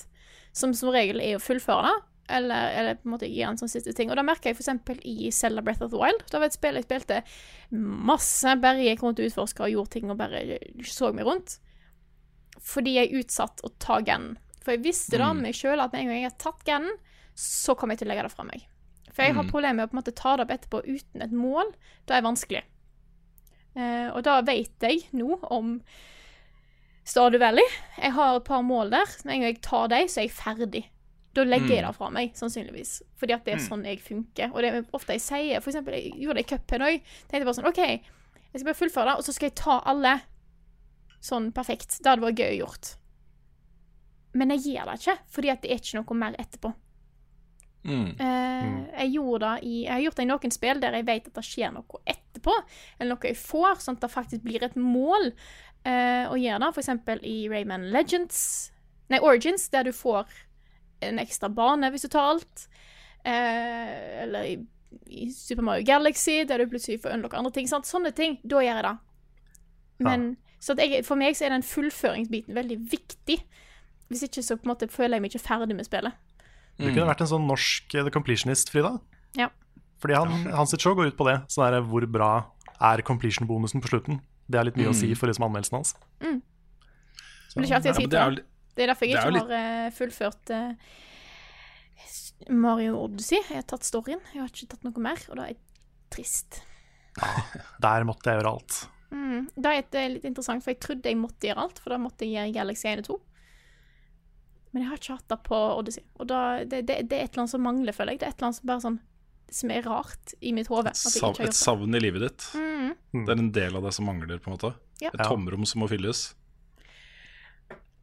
Ja, greit. Yes. Du Det var ikke ment som noe kritikk, det. altså Jeg er helt Nei. lik. Ja. Akkurat det samme. Jeg trodde det var hint at det til en film med tullgreier her. Nå skjønner du. For, at- at- Å ja, nei, nei, Du var veldig opptatt Nei. Nei, det var ikke nei. det. Nei, men Jeg blir litt sånn besatt av å fullføre ting. Jeg. De målene som jeg setter meg i spill, blir jeg litt sånn Det er vanskelig for meg å fokusere uh, sterkt på andre ting før jeg har klart det. Mm. Så um, Men har du tatt den siste stjerna i Mario Galaxy 2, Frida? Nei, det har jeg faktisk ikke tatt alle de grønne. Nei, ok. Fordi den siste stjerna der, Mm. det er kanskje noe av det vanskeligste jeg har gjort i et spill noen gang. Ja, for det er problemet at det, det var noe der som var på en måte Det var bare sånn incomprehensibly vanskelig. Og det var sånn Jeg vet hva, det orker jeg ikke. Det er sånn, Jeg visste hva jeg skulle gjøre, jeg visste hvordan jeg skulle gjøre det. Jeg så en video av noen gjøre det, men jeg fikk det ikke til. Og det er sånn, Da, da gidder jeg ikke. Da er det ikke noe håp. Jeg satt der i flere timer og bare prøvde å få til den ene tingen. Det gikk ikke. Så det er sånn, nei. I'm out. Mm. Uh, mens i Galaxy 2, nei 1, så er det sånn, ja ja, da tar jeg alt, selvfølgelig. Da har jeg tatt flere ganger med alt. Først med Mario, så Luigi. Så jeg har tatt 100 Hmm. Yep Yeah. Vi tar neste Mm. spørsmål her. Eh, eller kanskje dere skal ta et spørsmål? Jeg tror kanskje dere skal ta et spørsmål, jeg. Vær så god. Jeg har eh, et eh, dilemma som ikke er et dilemma, eh, men som kanskje kan virke som et dilemma for folk utenfra, så derfor så satte jeg det opp. Det er fra Vegard Kolsvik Kvaran. Og dilemmaet er bare spille dårlige spill resten av livet, eller aldri spille mer. Altså er, da, er det da bedre å bruke tiden på andre ting. Og selvfølgelig eh, da ville jeg, da ville jeg aldri spilt. Hvis jeg bare måtte spille dårlige spill, så hadde jeg brukt tida mi på andre ting. Det er det Ja. ingen tvil om. Men da igjen, hva er, hva er et dårlig spill, da? Right Du, du må synes det er dårlig. Du må synes det er dårlig. Hva sa du, Rune? Du må synes det er dårlig. Okay. Det må jo være forutsetningen. Det må ikke være at du synes det er bra, mens alle andre synes det er dårlig. Eller at du har lav score på Metacritic eller et eller annet. Nei, fordi altså, jeg kunne jo på en måte Selv om jeg ikke syns det er noe bra, kunne jeg brukt en kveld på NAC, liksom. Men, Ja. men jeg hadde nok ikke gjort det så ofte. Ja. Nei, det er det. Jeg hadde kanskje ikke gjort det så ofte. Nei, Jeg tror ikke jeg tror det. ikke det, ass. Nei. Jeg har mange andre ting jeg heller liker å gjøre. Ja, samme her, altså. Mm. Og det dyrket andre hobbyer. Ja. Mm. Ja, spørs det. Det er så waste of time. Det er noe av det mest bortkasta tida jeg vet om. Det er å spille dårlige spill. Mm. For det er ofte ganske tidkrevende. Vi snakker liksom kanskje ofte 20 timer, da. Med ting som ikke er noe gøy. Hvorfor skal man utsette seg selv for det, på en måte? Ja, de, de timene med Star Trek de får jeg aldri tilbake. Nei, ikke sant? Nei, det er sant. Star Trek-spillet, altså. Det var, ikke en, det var ikke en burn på serien. Nei, nei, nei. Mm. Jeg regner med det var spillet du snakker om, for da kan jeg Ja. eh, huske var litt dårlig. Ja, det var ikke bra. Og sånn litt apropos eh, Patrick Stewart. Dere fikk med dere at han eh, skal back, back in business i Star Trek Business. Oh yes. Yep. Mm. Kult. Jeg har et spørsmål her Yes, fyr løs. fra Fredrik Syverstad. Vi har vært litt innom helse, men vi kan være litt innom uh, andre ting også. Fordi han sier han har nettopp flytta for seg selv, skal studere. Lurer da på om dere har noen tips til billig og lett mat man kan lage. Kan også slenge inn andre tips om hva som er lurt å gjøre for deres erfaringer, hvis dere vil det. Kyllingkjøtt er din venn. Ja. Ja. Det kan brukes i taco. Det kan brukes i lasagne. Det kan brukes i alt. Ja, spagetti Mm. First Price er også din venn. Ja da. Eh, absolutt. Og hvis du har tilgang på en uh, På en sånn uh, asiatisk frukt og grønt eller noe sånt, så pleier de å ha veldig uh, store tilbud på frukt og grønt. Og eh, over her da så er det veldig mye sånn eh, Sånn 4 for 20 og 2 for 12 og sånn, av litt sånn større cup noodles og div. Eh, ikke det at du skal bare spise det, men eh, Store Det- flasker soyasaus. Ja. Koster ingenting. Mm. Ris. Litt sånn industri, industrikjøp på en måte er, er en grei tanke hvis du kan spare på det. Sånn Kjøp et litt større stykke kjøtt, f.eks., og så lager du en svær gryte med suppe, og så tar du heller og fryser ned over uh... Mm. Det er mange ting som blir bedre hvis du koker det lenge. mm. Eksempel chili con carne. La det stå og bare ha det fint i ei gryte i tre-fire timer. Det blir good shit. Det samme med tomatsaus. Du trenger ikke kjøpe det glasset med dolmiosaus, for det kan du lage sjøl. Og det er superenkelt. Du tar noen bokser med hermetiske tomater. Knust eller hele. Take your pick. Følg oppskrifta til Binging with Babish. Og la det, det, er- det er basically bare tomater, løk, hvitløk og litt uh, urter og salt og pepper. Og så lar du det bare koke i tre-fire timer. Så fryser du ned enkeltpakker. Du lager en svær gryte, fryser ned i enkeltbokser eller glass eller poser eller whatever. Så kan du ta det opp. Da har du til pizza, du har til pasta, du har til ostesmørbrød, whatever. Og det er superbillig. Det koster jo fire-fem kroner per boks med tomater. Mm. Og selv om det er veldig kjedelig, så kommer du ganske langt med et grovbrød. Du kan gjøre ganske mye med grovbrød. Og du blir litt mer mett av det, og det varer lenger. Kjøp deg tolvstjern. Ja, det er en fin investering. Ja, hvorfor ikke? Tolvstjern gråbrød og lita blokk med billigost. Jeg får tips nummer én må jo være eh, ikke eh, gjøre sånn som vi gjorde. Å kjøpe masse ferdigmat og uh, Nei, nei, nei. nei. pizza Nei. til hjemlevering og sånne ting. Bare lag Nei. mat selv. Det er det aller, aller billigste. Ja, det, det er sånn hadde, det hadde jeg ikke råd til da jeg var student. i det hele tatt Nei. Sånn Tilleggstips sånn tilleggstips til det er at veldig mange dagligvarebutikker har nå sånne tilbudskurver hvor du kan kjøpe eh, ting som går ut på dato f.eks. i dag eller i morgen, eh, til veldig eh, lav pris. Ja. Der har jeg ofte tenkt sånn ah, Det er fare for at det kanskje Hva om datoen egentlig var i går, da? Men jeg har gjort det mange ganger. Det er sånn fast vane vi har fått her i, her i huset. Eh, kikke, i- kikke i den kurven. Som regel Hvis det er tørrvare, og det står best før, så kan det vare i minst tre måneder til. Ja, men dette er snakk om kyllingkjøtt og Ja, sånne okay. ting. Òg. Eh, det er veldig mange plasser som har en sånn derre eh, halvprisgreie. Det kjøpte jeg noe på Kiwi her en dag. Eh, da, min anbefaling er sjekk datoen. På, hvis du på en måte, Det ligger et parti med ganske mye greier da, som de sier ah, dette har gått ut på dato, men helst lenger oppi der. Av og til har de fucka opp, skjønner du. Så har de Ja, sett at nettopp. OK, denne her var dårlig, da kaster vi hele partiet. Så hvis jeg sier at resten går ikke ut før om tre uker. Og det har jeg nettopp gjort. Fordi at de hadde et stort eh, 50% salg på en del sånn grillvare på, eh, på Kiwi. Som var sånn Å, det går ut på dato snart. Og så OK, det var litt svinefilet som holdt på å gå ut. Men det er et drøss med grillmarinert entrecôte til halv pris som ikke går ut før i september. Sant, så da kan du jo bruke den i evighet. Så jeg har jo kjøpt en del som skal i frysen, da. Gjør sånt. Mm. lurt. Og First Price er din venn på alt. Oh, ja. Du er litt sånn Sjekk, sjekk eh, kilopris på alt. Av og til så er det mindre pakke er billigere. Kjøper jo den. Kjøp grønnsaker og sånt i løs vekt, for det er ofte billigere.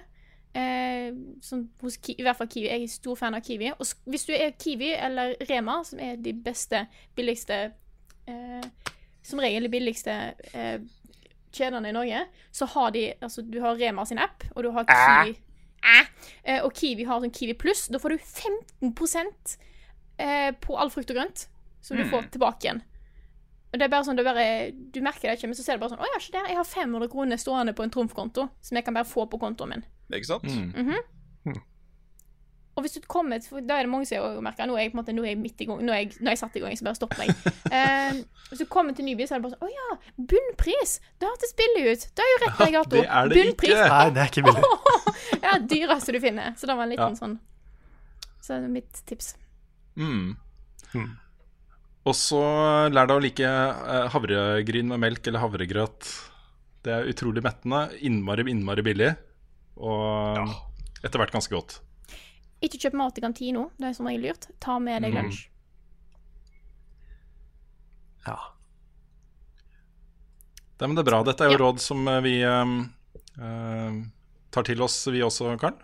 Eh, vi lever Ja. litt som studenter om dagen. Vi gjør det. Jeg har heldigvis eh, fire år som student bak meg. Ja. Og det var, da levde jeg på under 50 kroner om dagen, tror jeg. Mm. Og det var, det var litt krise. Og du blir jo litt gæren av det etter hvert, men uh, I made it. Så, World's greatest. yeah. Så det, det, det gikk bra. Du må bare være veldig bevisst på alt du kjøper. Mm. Og den ene tingen jeg gjorde for å liksom skeie ut, det var Kanskje en gang i måneden spiste jeg på Subway, liksom. Mm. Og det, det høres trist ut når det er den store tingen, men det, så, sånn er Jo, det. men det er sant. Ha deg råd til å skeie ut litt innimellom. Ja, ha én sånn utskeiing, Ja, for det, det hjelper på psyken. det gjør det, altså. Jeg måtte ha noen sånne. Og du kan sette opp, det gjorde jeg, jeg satte opp dagsbudsjett. Sånn at du, du, du bare skriver inn liksom alt du har brukt penger på en dag. Så kommer det på liksom et sånt skjema som du har. I, om du bruker Excel eller Google-versjonen av Excel. Og så kan du hele tida få opp liksom, ok, så mye penger har jeg igjen denne måneden her. Hvis jeg ikke bruker så mye penger i dag, så har jeg dobbelt så mye penger i morgen. ikke sant? Sånn. Og det, sånn kan du på en måte bruke, bruke økonomien. da. Kan juksa litt. Juksa litt, ja. Det ene året som jeg var student og levde på, eller levde på studentlønn, da Jeg hadde veldig dårlig betalt første året jeg jobba i Oslo. Så gjorde jeg det samme som, eh, som da jeg eh, for noen år siden eh, dro en del til Vegas for å spille poker. Jeg tok ut hele budsjettet mitt hver måned og hadde det liksom stående et sted fordelt på, på dager eller uker eller et eller annet. Og det var, I perioder så var det sånn 11 kroner dagen og sånt. det var helt latterlig, da. Um, men da, da hadde jeg Det er mine penger, det er de jeg kan bruke. Her er de, liksom. Uh, når de er borte, så er det tomt. Det er også bare å synliggjøre hvor mye du faktisk bruker, og hvor mye du faktisk har. Det kan jo være et, noe du henger opp på en tavle eller et eller annet også, da. Men uh, det kan være nyttig også.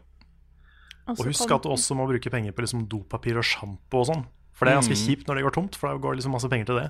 Ja. Og så kommer mitt eh, Siden vi har snakka litt om det før. Brus er jæklig dyrt. ja, Det er det. Ja. Jeg, det dette, dette er trist, men jeg drakk mye First Price-brus. Og den er ikke god engang. Men det var bare fordi jeg måtte ha noe sånt. Ja, nettopp. Av og til. appelsinbrusen til First Price er ganske god. Ja, det er jeg enig i. Er den det? Mm. Ja, det tror jeg ikke jeg har prøvd. Nei, så viktig er det ikke for meg å ha et eller annet som bobler i munnen. Altså. Det, må, det må være godt. Nei, det var, det var en sånn sanity-ting. Mm.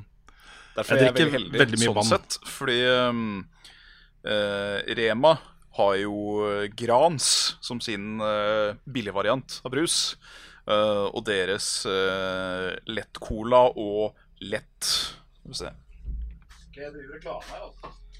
Singo, som det heter, som er eh, deres eh, sitronbrus. De er, åh, de bare er så gode. Er, det- da er det fire flasker for 60.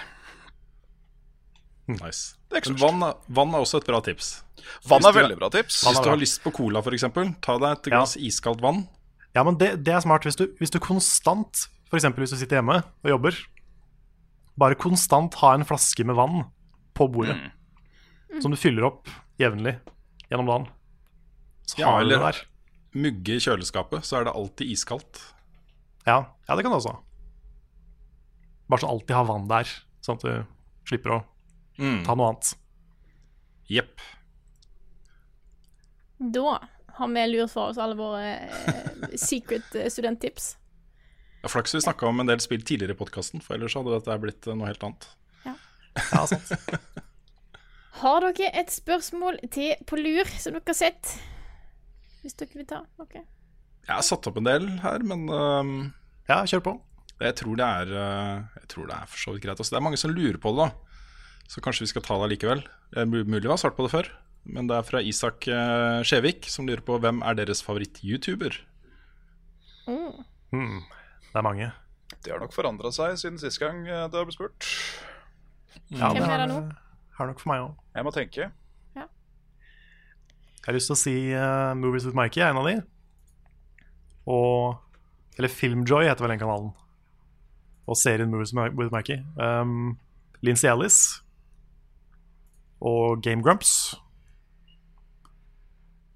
Det er vel i hvert fall de tre jeg kommer på i første omgang.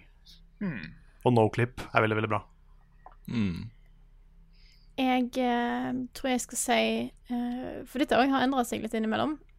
Men jeg holder trofast viewer av uh, youtuberen Sips, til, eh, som hører til Joggskost.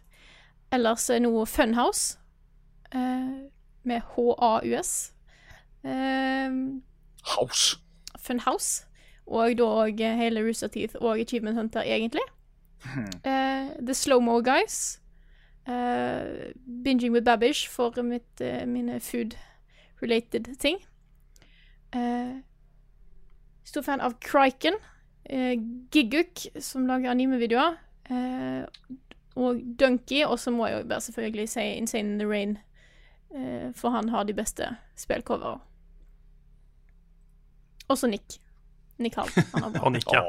Ja. Og Saft og Svele må vi også si. Ja. Ja, ja. Åh. Level Up Norge. Ja, får vel jeg si Level Up. Norge, da. Kjerne-Carl. Og, og ja. Jeg bare kom på en siste òg. Uh, iDubs TV. Ja. Ja. Uh, det blir nok iDubs for meg òg. Um, uh, Trump, ikke presidenten, men uh, Heartstone-spilleren. Eh, og så er det en um, er det en kanal, Det er vel ikke en YouTuber per se, men det er eh, Heroes of the Storm e-sport-kanalen. der, der kan det hende jeg binge Der kan det hende jeg binger litt. Ja, ja det, det sier jo noe. Um, vet ikke om det heller kan kalles en kanal, men uh, Games Done Quick-kanalen. Ja. Der den oppdaterer seg jo to ganger. Vodza til året. GDQ. GDQ. Det er også Jo, uh, Miracle of Sound. Ja, han er bra. Det syns jeg er så fascinerende, for han lager så mye bra original spillmusikk. Blant annet min favorittsang, som er Bloodborne-inspirert, Pale Blood Moon. Og den mannen har tinnitus. Ganske Oi. aggressiv tinnitus. Oh, shit. Og han uh, Han bruker musikk til å combatte det. Det syns jeg er imponerende. Ja. Mm. Han er også en av hostene i podkasten til Jim Stirling. Å, kult. Aha. Så han, eh, han eh, og Jim Stirling og Laura Kate Dale. Så den hører jeg på noen ganger. Det er en bra podkast. Den er, Mitt den er enda løsere enn vår. Ja, nettopp. Mitt svar er ganske kjedelig. Jeg ser ikke så veldig mye på, på YouTube. Um, men jeg har uh, egentlig helt ubevisst blitt veldig glad i en YouTuber som uh, viste seg at han spilte mange av de samme spillene jeg er glad i, og er, han spiller på samme måte som meg. Altså han, han er eh, har den samme på en måte dedikasjonen til uh, completionism og sånne ting. Uh, og så er han så behagelig å høre på, og ikke noe mas i det hele tatt. Og sånn, uten at jeg var klar over det, så endte jeg opp med å, å mm, bli litt fan. Og så når jeg så nye videoer av han Det er ikke sånn at jeg setter meg ned for å se nye videoer av han, men hvis jeg spiller et spill som han har lagd en serie av, så ser jeg ofte på det. Uh, og det er Fighting Cowboy. Han er s- så utrolig deilig motvekt til all den Fordi det hender ofte at jeg søker opp informasjon om et spill, om det er No Man's Sky eller et eller annet, for jeg skal finne ut hvordan man skal tjene units eller et eller annet. Det er så mye Mye clickbait og, og dritt i den sfæren der, liksom. Men Han er bare rett på sak. Sitter og spiller et spill, snakker om det en behagelig stebbe. Eh, masse nyttig informasjon. Så han, eh, han er blitt eh, veldig glad i. Kult. Jeg, jeg husker ikke hva han heter, men det var en YouTuber som fikk meg til å spille Som fikk meg til å ville prøve Final Fantasy 14 for noen år siden. Og det var, jeg tror det var Kotaku som skrev en artikkel om han, eller sånt. Fordi han kom til siste mission i, i Heaven's Sword, som var den første expansion. Mm. Og mens han drev og spilte gjennom den, så kom det noen meldinger fra liksom the developers som brøt den fjerde veggen. Oi. Og det var så sterkt for han at han begynte å grine mens han satt der. Wow. Og, og bildet bare skifta liksom fra spillet til han, da, som bare satt der og var helt sånn på gråten. Yes. Og da kjente jeg liksom shit, det her må jeg være en del av, liksom. Mm. Så det var, det var først og fremst han. Husker ikke hva han het. Men eh, det var sånn Det var så kult å se at At en MMO Quest var liksom Han endte opp der, da. For det spillet har jo så lang historie med at det har vært ødelagt, så komme tilbake og Det var visst en veldig, en veldig sånn heartfelt uh, greie fra utviklerne i spillet. Kult. Så kan jeg også nevne da at det begynner å få ganske mye mas hjemmefra nå, fra visse deler av familien, om en ny sesong av Multi-Hardcore. Ja, Og det er også diverse ønsker om å kanskje få være med i, være med i den. ja. Sam har blitt veldig veldig glad i, eh, i eh, Multi-Hardcore og din kanal, eh, Karl. ja det er koselig. Jeg ser er også mye på en norsk YouTuber som heter MV Adventure. Ja. Jeg må, jo, jeg må jo advare litt om at det er jo noen multi-hardcore-episoder som er Ja, det er greit. litt, litt adult. Ja, det er greit. Så det, det, det tåler den. Ja, det Men, eh, men det hadde vært kult, altså. Hadde vært gøy. For får se etter at vi har uh, rappa noen, noen Let's Plays. Jeg har veldig lyst til å lage en, eh, en eh, sånn type serie av eh, Permadeath i No Man's Sky. da Jeg tror det hadde vært dritfett. Bare si at målet er å komme seg til galaksens sentrum, f.eks., uten å daue. Det, det hadde kunne blitt en veldig god serie altså, med de riktige folka. Just saying. Ja. Just saying. Jeg er, er potensielt med. Ja, hvis du har en eh, 300-400 timer til overs, så Ja, det, er det kult. det. Ja, det har jeg ikke. Det har jeg ikke. Da har vi jo eh, Altså, da kan vi kjøre Let's Play én time per dag i et år. Ja da. Ja. Nei, men dette her, eh, hvis man skal gjøre det, så må man uh, lage et team bestående av folk som kan spillet ganske godt, tror jeg. Eh, For det fins masse shortcuts og ting du kan ignorere og drite i og bare do your thing. Men, uh, men jeg tror det hadde vært en kul serie, altså. For det er liksom plutselig så kommer det en planet ikke sant, hvor, hvor eh, Sentinels er frenzied. Så bare du lander og går ut av skipet ditt, så kommer det liksom masse Sentinels. jeg har sett noen videoer av folk Det er liksom 1000 Sentinels som er etter dem. Helt crazy. Shit. Ha. Så det er morsomt i et permanent run, ikke sant. Ja, Bra humor. Nei, vi får se om vi får, om vi får blidgjort sammen. Mm. Mm. Og med det så tror jeg, eh, hvis ikke dere hadde et siste spørsmål på lur Nei. eh, Og da kan jeg ta en siste vi har ikke, Det er ikke et spørsmål, men vi har fått inn en kommentar her som var litt koselig, fra Kristoffer Getterboys Hansen Leistad, som skriver Jeg har ikke noen spørsmål denne uka. Vil bare takke for alle timene med underholdning dere gir uke inn og uke ut. Måtte dere aldri slutte. Og da har vi ingen planer om å gjøre heller. Så Nei, Get Boys mener jeg er, eh, er en av modsa på Discord-serveren til Saft og Svele òg, så represent. Nei, det har jeg lagt merke til at det er en, eh, en del av eh, de som eh, ser på tingene vi lager og kommenterer ting og er en hyggelig force da, i vårt community, som også er aktive i de andre, flere av de andre norske spillcommunityene som, som vi liker godt, vi også. Det, er, det er en betydelig innsats dere gjør, også, folkens. Det er eh, uh, viktig eh, for, for trivselsfaktor og alt mulig rart i disse da tross alt ganske små norske spillcommunityene som vi har. da Så uh, Absolutt. Good job, guys. Ikke, ikke undervurder verdien av å være en hyggelig person på internett. nei. Nei. Kan jeg, kan jeg plugge en ting litt sånn kjapt? OK. Ja. Ja. Fordi eh, vi, eh, jeg hadde jo en podcast sammen med Audun og Jostein fra Gamer og Radcrew, der vi snakka om Final Fantasy-serien. På onsdag, tror jeg, så kommer det en bonusepisode der vi snakker om den ikke spesielt bra filmen Final Fantasy The Spirits Within. Hæ? Det som er den beste filmen noen gang laget? Ja, det er en fantastisk film. Mm. Så hvis du er Final Fantasy-fan eller vil sjekke ut den, så kommer den snart. Hell yeah. Yeah.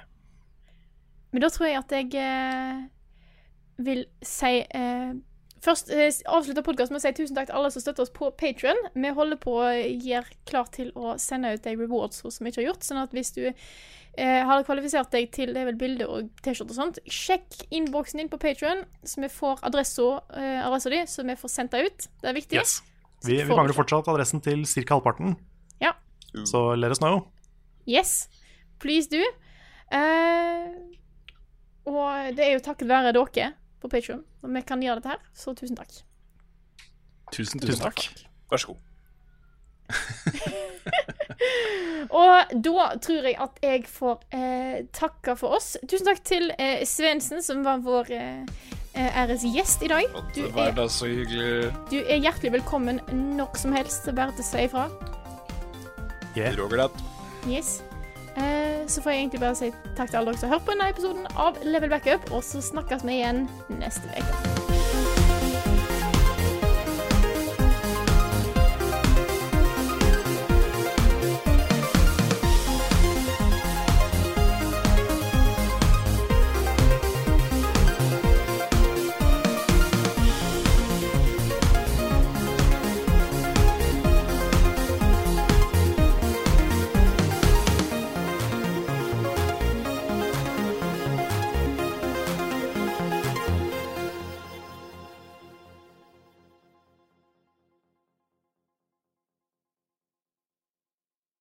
Har du et enkeltpersonforetak eller en liten bedrift? Da er du sikkert lei av å høre meg snakke om hvor enkelt det er med kvitteringer og bilag i fiken, så vi eh, gir oss her, vi. Fordi vi liker enkelt. Fiken superenkelt regnskap.